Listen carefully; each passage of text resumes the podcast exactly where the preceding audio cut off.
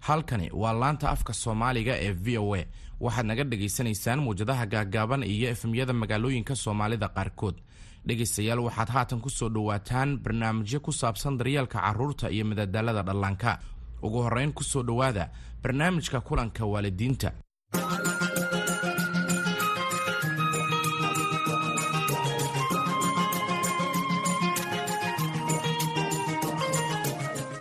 kulanti wacan oo wanaagsan dhegaystayaal mar kale iyo barnaamijkeena xiisaha leh ee kulanka waalidiinta. Barnaamijka keliya oo aan idinku diyaarino khabiiro idiin siiya xirfada aad markaasi ku wanaajini kartaan waalidnimada iyo sidoo kale madal aad ku wada wadaagi kartaan fikrada idinka waalidiinta ah. Caruurta yaryari badi kuwa ay da-dooda u dhexayso labo ilaa iyo shan ayaa maalinba maalinta ka dambaysa kororsadaa xirfadahooda waxayna doonaan in ay markaasi noqdaan kuwo madax bannaan oo ay wax walba iskood u qabsadaan. Waxay jecel yihiin in ay wax walba isku dayaan oo ay bartaan caalamkana ay wax ka fahmaan iyagoo inta badan ka fiirsanin ficiladooda caadiyan kama fikiraan badqabkooda iyo ammaankooda waxayna isku arkaan kuwa awood leh oo markaasi kontaroola wax walbo taasi oo ka dhigaysa in ay noqdaan kuwa markaasi u nugul dhibaatooyin badan runtii kama warqabaan waxyaabaha ka dhalan karo ficiladooda taasi ayaana u horseedi kartaa khataro halis ah. Waalid ahaan waad soo gaabini kartaa dhibaatooyinka ku dhici kara ubadkaaga. Haddaad aqbasho inuu canugaaga maro marxalado iyo wejiyo kala duwan ee nolosha ka fikir sida aad uga badbaadini karto dhibaatooyinka halista ah. Tusaale haddii canugaaga uu biskili barbaranhayo ka ilaali inuu waddooyinka la aado. Xusxusnaaw in uusan jirin qof si joogto ah ula soconi karo tallaabooyinka ubadka oo ay boqolkiiba boqol caruurtu badbaadsaneen. Isku dhelitir ilaalada ubadka badqabkooda iyo ciyaarahooda mise damaashaadkooda mise farxadahooda. Ila janqaad anigoo ah farxaan cali mukhtaar maanta si qooto dheer ayaanu u faaqidi doonaa qodobka badqabka iyo ammaanka oo waxaanu ku siini doonaa nasiixooyinka caawiya inay caruurtaada goob walba oo ay markaasi joogaan si nabad ah ay ugu sugnaadaan mar kale waxaa marti noogu ah barnaamijkeena maanta saamiya salaam nuur oo ah qoraa wax ka qortay kubaca carruurta barnaamijkeenna ayaa laga dhegaystaa kenya soomaaliya iyo etoobiya oo waxaan rabnaa inaan maqalno afkaartaada dhegayste ma qabtaa su'aalo mise ma haysa naseexooyin iyo talooyin aad u hayso waalidiinta kale? Nagala soo xiriir facebook ee kulanka waalidiinta mise whatsapp plus labo shan afar toddoba saddex labo eber saddex labo toddoba saddex sagaal oo waan kaaga fadhinaa afkaartaada miseba fariintaada. Caruurtaada u diyaar inay dhegaystaan barnaamijka siseme sheeko sheeko oo aad u xiiso badan isla haddana inoo xiga barnaamijkani. Caruurtaada ayaa runtii ka heli doona una bogi doona barnaamijkaasi. Waxaana ka mid ah waxyaabaha ay maanta ku maqli doonaan. Allaarni saaxiib caadi weeye. Kaasoomaada daadin. Waa ka xumahay runtii ma rumaysan karo waxaan sameeyey. Inta aanan la fadhiisanin saamiya salaam nuur waxaan la hadalnay qaar ka mid ah waalidiinta geeska afrika oo aan weydiinay waxa ay markaasi sameeyaan qorshe ahaan oo degsan oo ku aadan badqabka iyo ammaanka caruurtooda. Si ay markaasi u dhibaatoonin waana kuwan qaar ka mid ah jawaabahooda. Adeera carruurta waa waa ogaanaa inta akhriskayga aadaanna ina inta dugsiga dhexdiisa ay xaafada toos u imaadaan yaa u sheegna haddana marka xaafada imaadaan qalab oo ku mashquulan sida ambiirka iyo waxyaala oo kale yaa u sameynaa inaa xaafadooda ka bixin. Macalinka naftiisa waa waalidkii labaada waa dabagalnaa waa la hadalnaa carruurta akhlaaqdeeda iyo wixigeeda adeer saasa sameyna waqti kasta waxaan jeclay ilmaha inaan guriga ku dhex reebo oo banaanka ee aadan ay dhibaato u keeneen oo cunuga t v intaa undaara beeb t v aan u firfiirsado ciyaalaha maaweelinta ciyaalka ilmaha ay firfiirsadaan t v-da qaabka ugu fiican ee mataqaanaa loo ilaalin karo carruurta ee amnigooda loo sugi karo ilaahay baa horta amniga suga. Intaa ka sokow macnaha mas'uuliyadda inaga saaran carruurta waalidnimo ahaana horta markay xaafadda joogaan dee ani umama ogolaadeenba inay horta banaanka u baxaan. Markii la gaaro dugsi iyo mataqaanaa la geynayana dee mas'uuliyadda naga saaran waxa weeyaan inaan annaga macnaha waalid ahaan aan kaxayno oon geyno dugsiga mar haddaan anaga dugsiga geynana in ay nagala wareegayaan xilkoodii macalimiinta oo ammaankooda ay mataqaanaa ay saas ku ilaalinayaan oo ay akhlaaqda barayaan oo wixii mataqaanaa xunba ay ka istaajinayaan.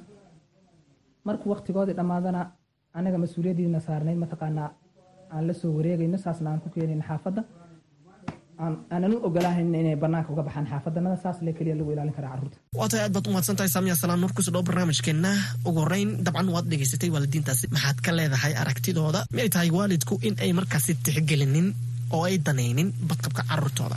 Waa mahadsan tahay horta ammaan nolosha dhan baa u baahan. Qofku inuu ammaan ahaadaa waa noloshiis qaybta ugu muhiimsan. Oo waxyaabaha dee laga qaxo laga cararayo waa ammaan la'aan. Sidaa darteed cunugaaga ammaankiisu wuxuu kaaga dhigan yahay ama ii sheeg ma dhici kartaba.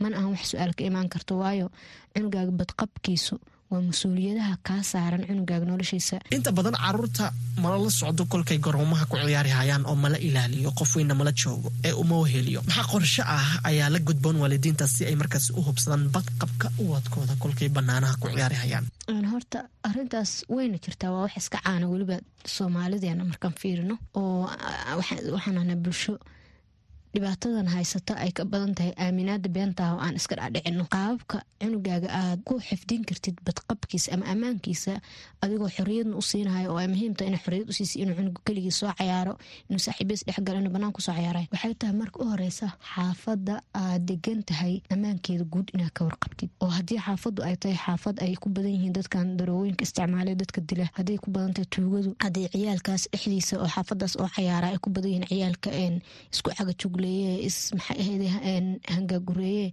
ee cunugaaga xaalad gelahayo ammaankiisa maskaxeed ama ammaankiisa nafeed. Waa arrimo u baahan inaad ka fakartid. Marka si nabadee maahan inaa cunuga keligiis inta iska sideys dhehaysid orod iska soo cayaar laakiin adoo cunugiina jaanis u siinahaya inuu xoriyad helo soo cayaaro haddana waxay tahay dee qaab waayeeleysan oo waalidkii aqliyeysan inaad uga warqabtid guud ahaan. Ammaanka meeshaas ka jira iyo cunugaaga xaaladuu ku cayaarayo tallaabooyin noocee ah ayaa nala gudboon ee ku aadan badqabka ubadka ee baabuurada kolkay ku jiraan markay jiraan iskoolada ee ku ciyaari hayaan garoomaha horta gaariyaasha waana arimaha ugu anagu soomaalihaanta aan ka habaacsanahay oo waxaa arkaysaa cunug yaroo shan jira oo keligiis kursiga hore intuu aabuhu gaarigooda is ag fariisiyo meesha iska fadhiisida qof weyn. Waana arrin keliya maahan ilmaha waaweyn ilmaha yararka ah dadka waaweyn xitaa. Soomaalinimadeena way nagu adag tahay inaan suumanka gaariyaasha waxyaabahaas ah xirano. Cunuga markuu yaryaha looma ogolo inaad kursiga u horreeya fariisisid waxaa lagaa doonayaa inaad suumanka ciyaalka gaariga haddii aad tahay qof ciyaal haysta suumanka ilmaha a mar walbeet u xirtid oo ka taxadartid iskuullada marka haddaan u soo laabto iskuullada ammaankooda in la sugaayo waa mid aan waalidka bis macnaha markaas aan soo hoosgelayn oo bulsho ahaanoo dhan ku xiran laakiin waalidka mas'uuliyadda u weyne ka saaran waxay tahay iskuulka aa cunugaaga geysanaysid marka horete ammaankiisa hubi. Waa iskuul see ah. Macalimiinta dhigaaya see yihiin. Macalimiin waxaa jira ilmaha seyfatiga cunuga ama badqabka cunuga keliya maaha jirka. Maskaxdii baa soo gelaysa. Macalimiin waxaa jira ilmaha bahdila ilmaha hangaagureeya in laga fakaro guud ahaan deegaanka iskuulka. Inuu iskuulkaas deegaankiisa wax cunuga dhibaateynaya uusan ku dhexoolin sidii bahloo kaleeto meelahan dabadoo kaleeto hadartan geedaha waaweyn ku dhex yaalla cunuganas dhibaato ka soo gaareen iskuulka dhismihiisoo kale ayaan horeeto halkan kenya waxaa aragnay iskuul intuu dumay ciyaal badan ay ku dhidhinteen sidoo kaleeto inaa laga taxadaro caafimaadka iskuulka gargaar degdega cunuga haddii wax qadar iskaga dhacdo. Marka iskuulka aada muhiim u tahay inaa layska saaro mas'uuliyad weyn ilmaha badqabkooda. Waalid ahaan calaamado nooce ah ayaanu ku garani karnaa in caruurteenna loo geystay jirdil faraxumayn xadgudub iyo wixii la mid ah. Cunugaaga horta haddii aan dib aan kala qaadi doonaa laakiin guud ahaan cunugaaga inuu yahay cunug yaroo ama lagu xadgudbay ama macnaha la biiqsaday calaamadaha laga fiirin karaa waxay tahay ciyaalka lagula kaco falalkaasoo kaleeto. Waxaa laga yaabaa in waxaa ku arki kartaa cunugan haduu yahay ciyaalka farxumay oo kale.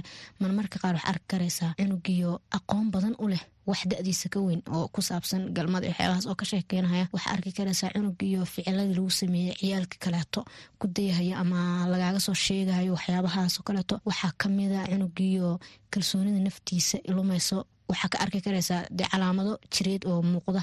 Sidoo kaleta gabaroo kale haday tahay oo ay soo qangaarto oo kale uur way yeelan karaysaa. Haddii la yiraahdo maskaxda midda ah ciyaalka maskax ahaan markii emotional ahaan markii loo dhaawaco ama loo hangaaguriyo loo handado waxay tahay calaamadaha laga dareemi karaay cabsi badan waxbarashadoodii oo aa arkaysid heerar aysa joogi jir in hoos u dhacday haddii ay tahay iskuulka meeshu dhibkaas ka haysta ayago mar walba iskuulka u gambinaya haddii tahay dhibka guriga midu ka haysta ayagoo isku dayaya. Inta badan inay banaanka ku qaataan waqtigooda ama iskuulka ku daahaya ama banaanka u cararaya inay baxsadaan ayagoo isku dayaya. Badqabka internetka ayaa muhiim aada u ah casrigani teknolojiyad. Waxaanu u qorshayni karnaa carruurta si aan u xaqiijino in ay ka badbaadsan yihiin internet security-ga weeyaan ama ammaan badqabka cunugaaga oo aaladahan la isticmaalo ama internetka dhexdiisa uu ka haysanaya waxay marka horta ka soo bilaabataa waalidiin. Waxaa jira ilmahooda markay yaryar yihiin soo bandhiga oo noloshoodao dhan ciyaalku ayagoo doorasho lahayn. Maanta dhan wax ka soo duuba waxyaabahaas. Sidaa darteed waxaa lagu taliyaa horta cunugaaga intii uu yaryahay adiga ha ka dhigin noloshiisao dhan. Mid dadka dhan wada ogyihiin ugu yaraan hadaa wax ka duubaysid iskuullada uu dhigto ha sheegin waxyaabaha u qaaska oo cunuga sida da-diisoo kaleeto sida waayo waxaa jiraan dadayaalo badan oo inta ka soo raacaan meeshaas ciyaalka dhibaateeya. Dad xitaa waxaa jira ilmahooda ay dhaleen ayagu lagu qabsadaa heer laysla gaaraa dn e laga baaro oo laga baaro dhacaankii waayo cunugaaga wax kuu qarsoon ma jirto wax kastaa ka taqaanid dadkii kalena waa la wadaagtay. Midda kaleeto waxay tahay cunug marku asagu soo gaaro heer uu isticmaalaya aaladan mid u horeysa waxaa inaa wacyi ka inay waxan dhibaato leedahay inuu dad islaameed u soo geli karaan. Waxaa ka mid karta hadda wiilasha yararka karta wax dhibaato ku haya waxyaabahan geemaankan oo loo isticmaalo onlineka. Hadda kahor waxaa dhacday dabadaas yurub ma ahayd ma aqaana cunug yaroo uu game waxaa jira geeman waxaa jira qofka aad la hadlaysid qofka aad la cayaaraysid lana hadli kartid lana cayaaraysid qof aad aqoonta online kuusoo galo waa taqaanaa. Marka waxaa dhacday ninbaa cunug yar oo sideed jira soo cayaari jiray hooyadiisna kamay warqabin suu ula cayaari jira ula cayaari jiray ula hadli jiray cunuga wuu tashkiilin jiray waxbuu u sheegi jiray wuu la hadli jiray ugu dambeyntii cunuga intuu banaanka u baxsaday soo la ogeyn oo uu cunugii yaraa been sheegoo yiri saaxiibka soo booqanaya buu xitaa dilay cunugii. Danta ugu weyn ka soo galana waxay ahayd horta cunugaas yar inuu marka hore daba uu helo. Dadkan waxay ahayd ilmaha keliya wax iskala baxa waxaa kaloo jiri karta waxaan la yiraahdo internetka dhexdiisa ka jira cagajugleyntan iyo macnaha handadaadan ka jirta oo kaleeto nolosha caadiga ah cunugaaga haduu yahay cilmo yaro teenager oo soo dhiga sawiro oo kaleeto dad baa soo cayn karaa oo maskaxaan u dhaawacahaya dad baa hoos u dhigahaya cunugaaga inaa waxaas dhan wacyi ka siisaa inay dhibaateyn karaan. Sidoo kaleeto ilmaha yaryarka markayhin waxaa jira ayagana kartuumo ama waxyaabo ay daawadaan ciyaalka qaar waxaa jira. Kuwa ku dhiiragelinaya inay waxyaaba halisa sameeyaan cunugaaga inaa wacyi guudna ka siisid cunugaagana aadan ku sii deynin internetka iyo aaladahan la isticmaalaya keligiis. Hagaag haatana dhankaas iyo su'aalaha dhegeystayaasha. Dhegeystani kenya waxa uu leeyahay miyay tahay inaan ka walwalo badqabka canugayga kolka uu iskuulka jiro. Waxay soo hosgelaysaa marka horeto ammaanka iskuulka ka jira aan hore u sheegay inaa og tahay. Teeda mida kaleeto iskuulka ayadana soo hosgelaysaa waxay tahay waddooyinka ciyaalkaaga waxay tahay in aad iskuulkaaga iskuulka ammaankiisa guud aa og tahay waxaa iyadana muhiima inaa ka fakarteed cunugaaga waddada sida ku maro. Hadiiba aysan dhicin inaa gacanta qabatid oo cunugaaga adoo gacanta iskuulka geysid waxay tahay inaa cunugaaga ka siisid wacyi taasoo ay bulshaduna qeyb ka qaadan kartee haddii aysan meeshu lahayn calaamadihii kala hagahaya gaarayaashii dadka waxa dhacaysa cunug inay dhibaato ka soo gaarto.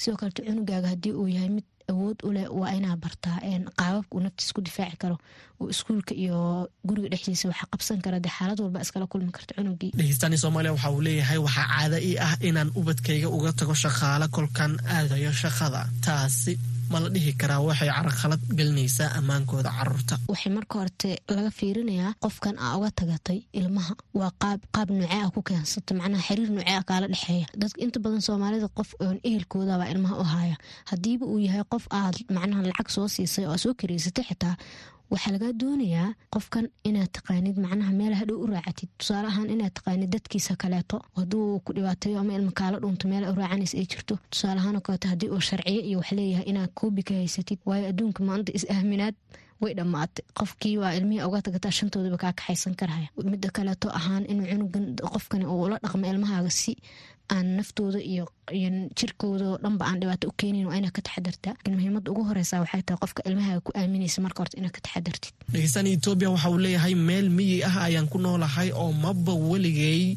ka fikirin oo ka welwelin ammaanka caruurtayda taasi kuma saxanahay.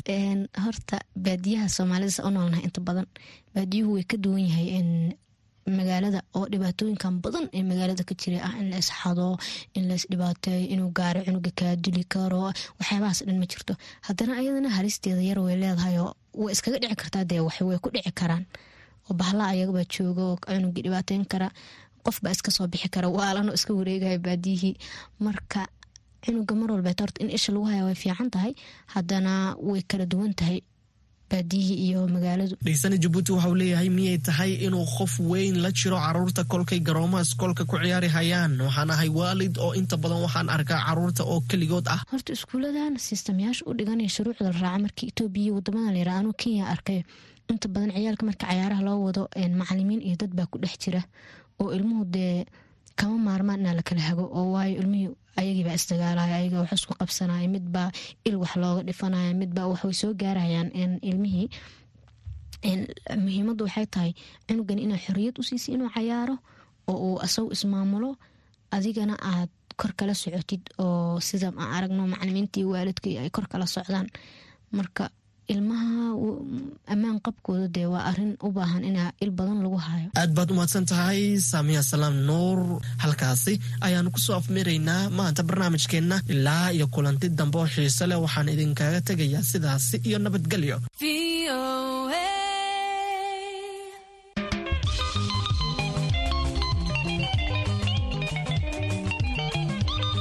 Weli dhegaystayaal waxaad nagala soconaysaan laanta afka soomaaliga ee v o a haatanna waxaad ku soo dhowaataan barnaamijka madadaalada carruurta ee sisimi sheeko sheeko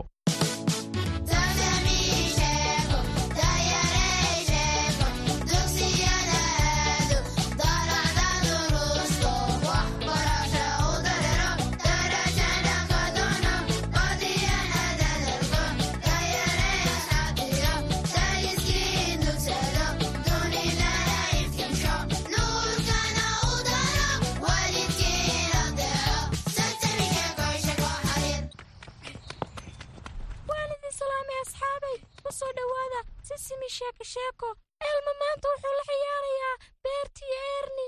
Ciyaartii qabashada alla waa ciyaar maad ah. Waan idin salaamay asxaabay. Anigu ah saaxiibkin beert. Ciyaarta maanta ayaan ku daalnay oo aan ku haraadnay. Sidaa darteed waxaa inoo keenay biyo nadiifa oo aan cabno. Haddaba halkan ayaan dhigayaa. Markaad haraad dareentana cabba waayo waa biyo nadiifa caafimaadkana way u fiican yihiin. Haye eerni xaral ma soo qabo. Elmo ma qaban kartid. Waa ku qaban karaa. Way kan elmo. Oh allah. Biyo ayaan daadiyey. Alla erni saaxiib caadi weeye. Ka somaada daadin. Waa ka xumahay runtii ma rumaysan karo waxaan sameeyey. Dhib male erni ka sumaadan daadin. Laakiin beerta dhib badan ayuu ka soo maray inuu biyahan inoo soo dhaamiyo aniguna waan daadiyey. Hadda wax biyaa ma inoo harin. Waan idin salaamay dhammaan. See wax u jiraan hooyo eerni baa murugsan maadaama biyihii beerti noo soo dhaamiyey ay si lama filaana uga daateen. Alla waan arkaa. Marmarka qaarkood in neef dheer la qaato. Waxaa lagu dareemaa degganaansho bal aynu isku dayno. Qof walba khalad wuu galaa soo maaha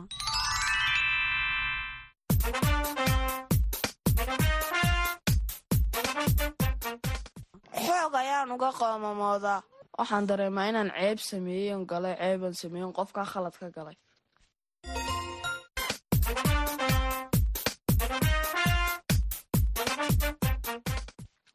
Tan sameeyaan ta warwaraa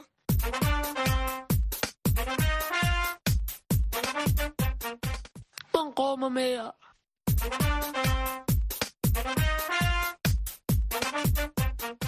ka xumaada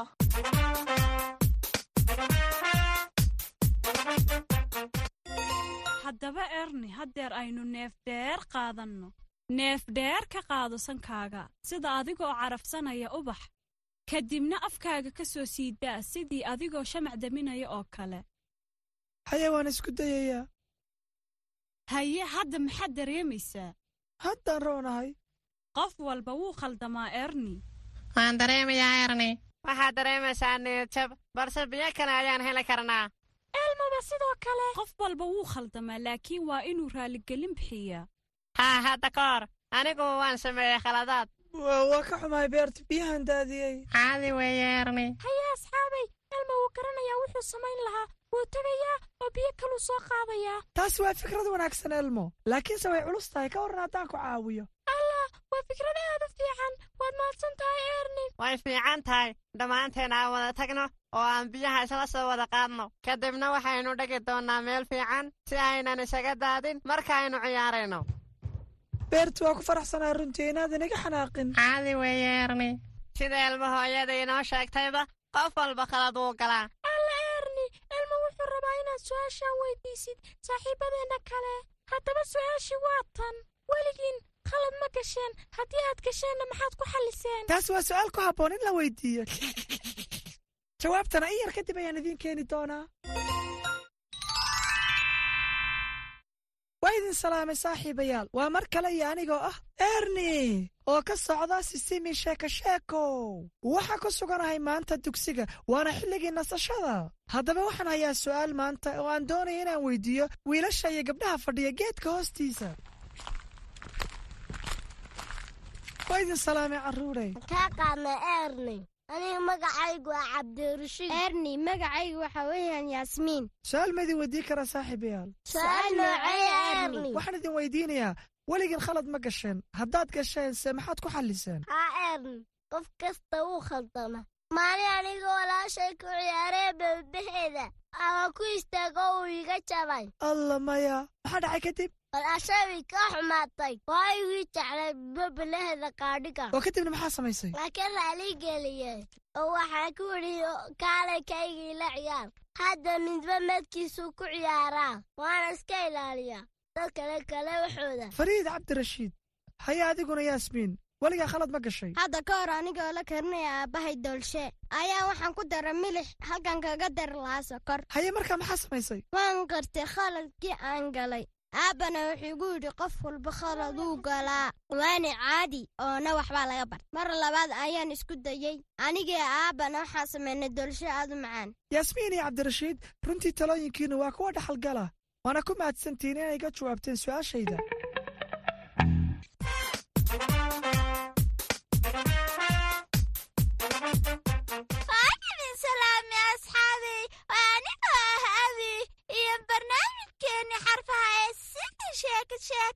xarafkeenna maanta waa da waxaana looga dhawaaqaa da da diyaarad. Hagaag isxaabey haddaba maxaa kaloo ka bilowda xarafka da sida dabayl calama saxbay bilan waxaa kaloo da ka bilowda kale dugsi wuxuu ka bilowdaa da sax waana erey aad wanaagsan dugsiga waana jecelahay haddaba asxaabi ma sheegi kartaan erey kaloo ka bilowda xarafka da.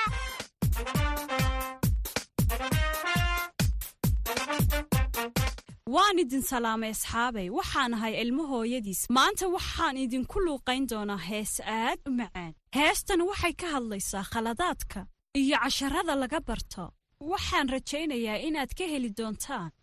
Marka aan khaldanno ama aan wax qasno waa inaan raalligelin bixinno oo aan wax ku qaadanno khaladka. Dadkoo dhan way khaldamaan dadkoo dhan way khaldamaan.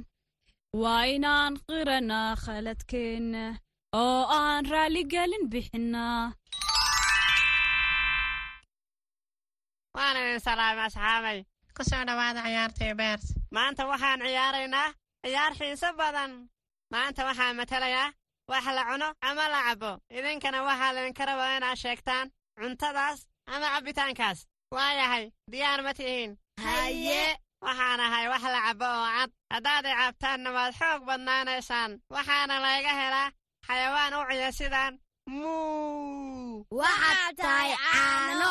Waad saxday haddana waxaan rabaa inaan noqdo miro. Waxaan leeyahay qolof cagaar iyo caddaan ah. Gudahayguna waa guduud. Waxaana leeyahay miro yaroo madow. Hanaadkana waan bi'iyaa marka ay cimiladu kunushahay haddaba sheega maxaan ahay? Xabxab ama qare. Xariif. Haye haddana waxaan ahay miro dheer. Gudahayguna waa caddaan. Waana dheerahay daanyeeraduna aad bay ii jecel yihiin waayahay noo sheeg alla aad baad u caqli badan tihiin. Wax badanna waa taqaanaan. Markaan waxaa magacaabaya nooc cunto ah.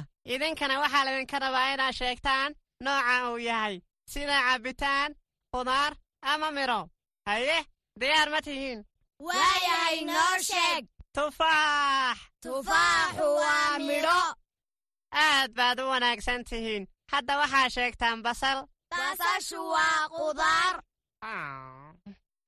waxaan idhi basal basashu waxay leedahay ur adag. Haye tanna sheega. Caano. Caanaha waa la cabaa.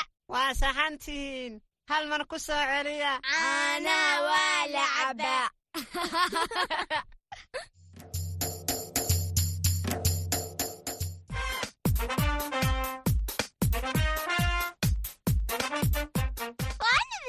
salaamay asxaabey waa mar kaliya anigoo abi haddana waxaa la soo gaadhay xilligii tirada maanta haddaba aynu tirinna inta cod aynu maqallaa waxaynu maqallay shaabad shanqarayso toban jeer haddaba ma garanaysaan tirada maanta haa tirada maanta waa toban haya asxaabta ma maqasheen tirada maanta tirada maanta waa toban. Shaqo waxaan saaxiibayaal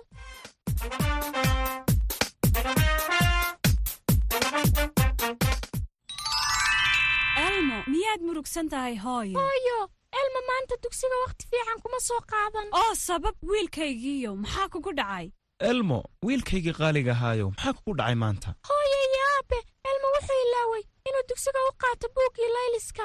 Elma wuxuu rabay inuu markuu casheeyo ku rito boorsada buwaagta balse wuxuu ku dul ilaaway miiska. Waa caadi wiilkaygii elmo. Ulakac ugumaadan shaqayn waayin waa run. Way saxan tahay hooyadaa elmo. Dadkoo dhan khalad way galaan laakiin muhiimaddu waa inaad raaligelin ka bixiso khaladkaa macallinkaaguna wuu ku fahmi doonaa inaadan ka suga tegin layliska. Mararka qaarkood waynu khaldamnaa balse waa inaynu wax ka barannaa khaladaadkeenna. Waad mahadsan tahay aabe waad mahadsan tahay adiguna hooyo balse ilma hadda muxuu sameeyaa? Haddii aad macallimadaada ugu sheegto sida aad annaga wax noogu sheegtay. Way dareemi doontaa inaadan kas u samayn arrinkaas. Wayna ku farxi doontaa sida runta iyo daacadnimadu ku jirto aad ugu sheegtay. Haa wiilkaygiiyo u sheeg macallimadaada way ku fahmaysaaye anna waan ku raacayaa berri si aynu ugu wada sheegno. Hadda ka waran haddaan hees yar kuu qaado. Waa fikrad fiican hooyo. Elmana aad buu uga helay marka aan khaldanno ama aan wax qasno waa inaan raalligelin bixinno oo aan wax ku qaadanno khaladka.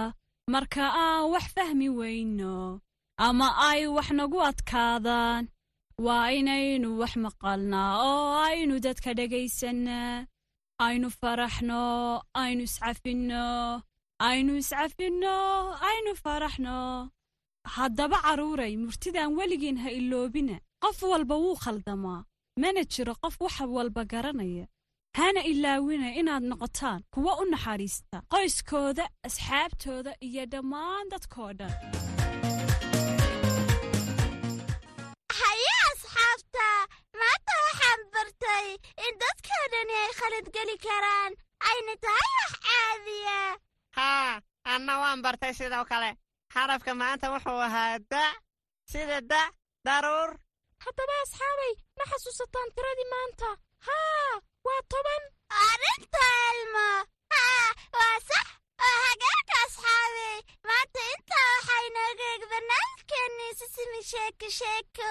Is aragti oo xiisa leh.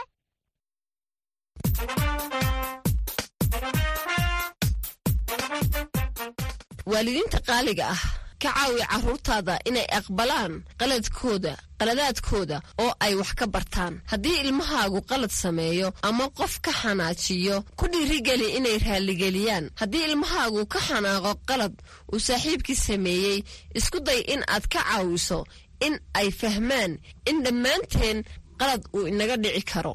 Waana inaan cafinnaa asxaabteenna markay yidhaahdaan naga raalli noqda ama waan ka xunnahay. Ku barbaari dhaqankaas cunugaaga oo ku dheh marka aad qalad samayso. Raalli ahow dadka kale ee aad khaladka ku samaysayna cafi oo raalli geli. Qaaliga ah markaad qalad samaysaan maxaad ku dhahdaan qof aad kale ee aad khaladka ku samaysayna? Naga soo waca nambarka watsapka noogana soo jawaaba su'aashan. Waxaad noogu soo gudbin kartaan nambarkaas afkaartiinna iyo soo jeedintiinna waxaanad ka dhagaysan kartaan barnaamijka sisami sheeko sheeko etoobiya redio fana soomaaliya star f m kenya star f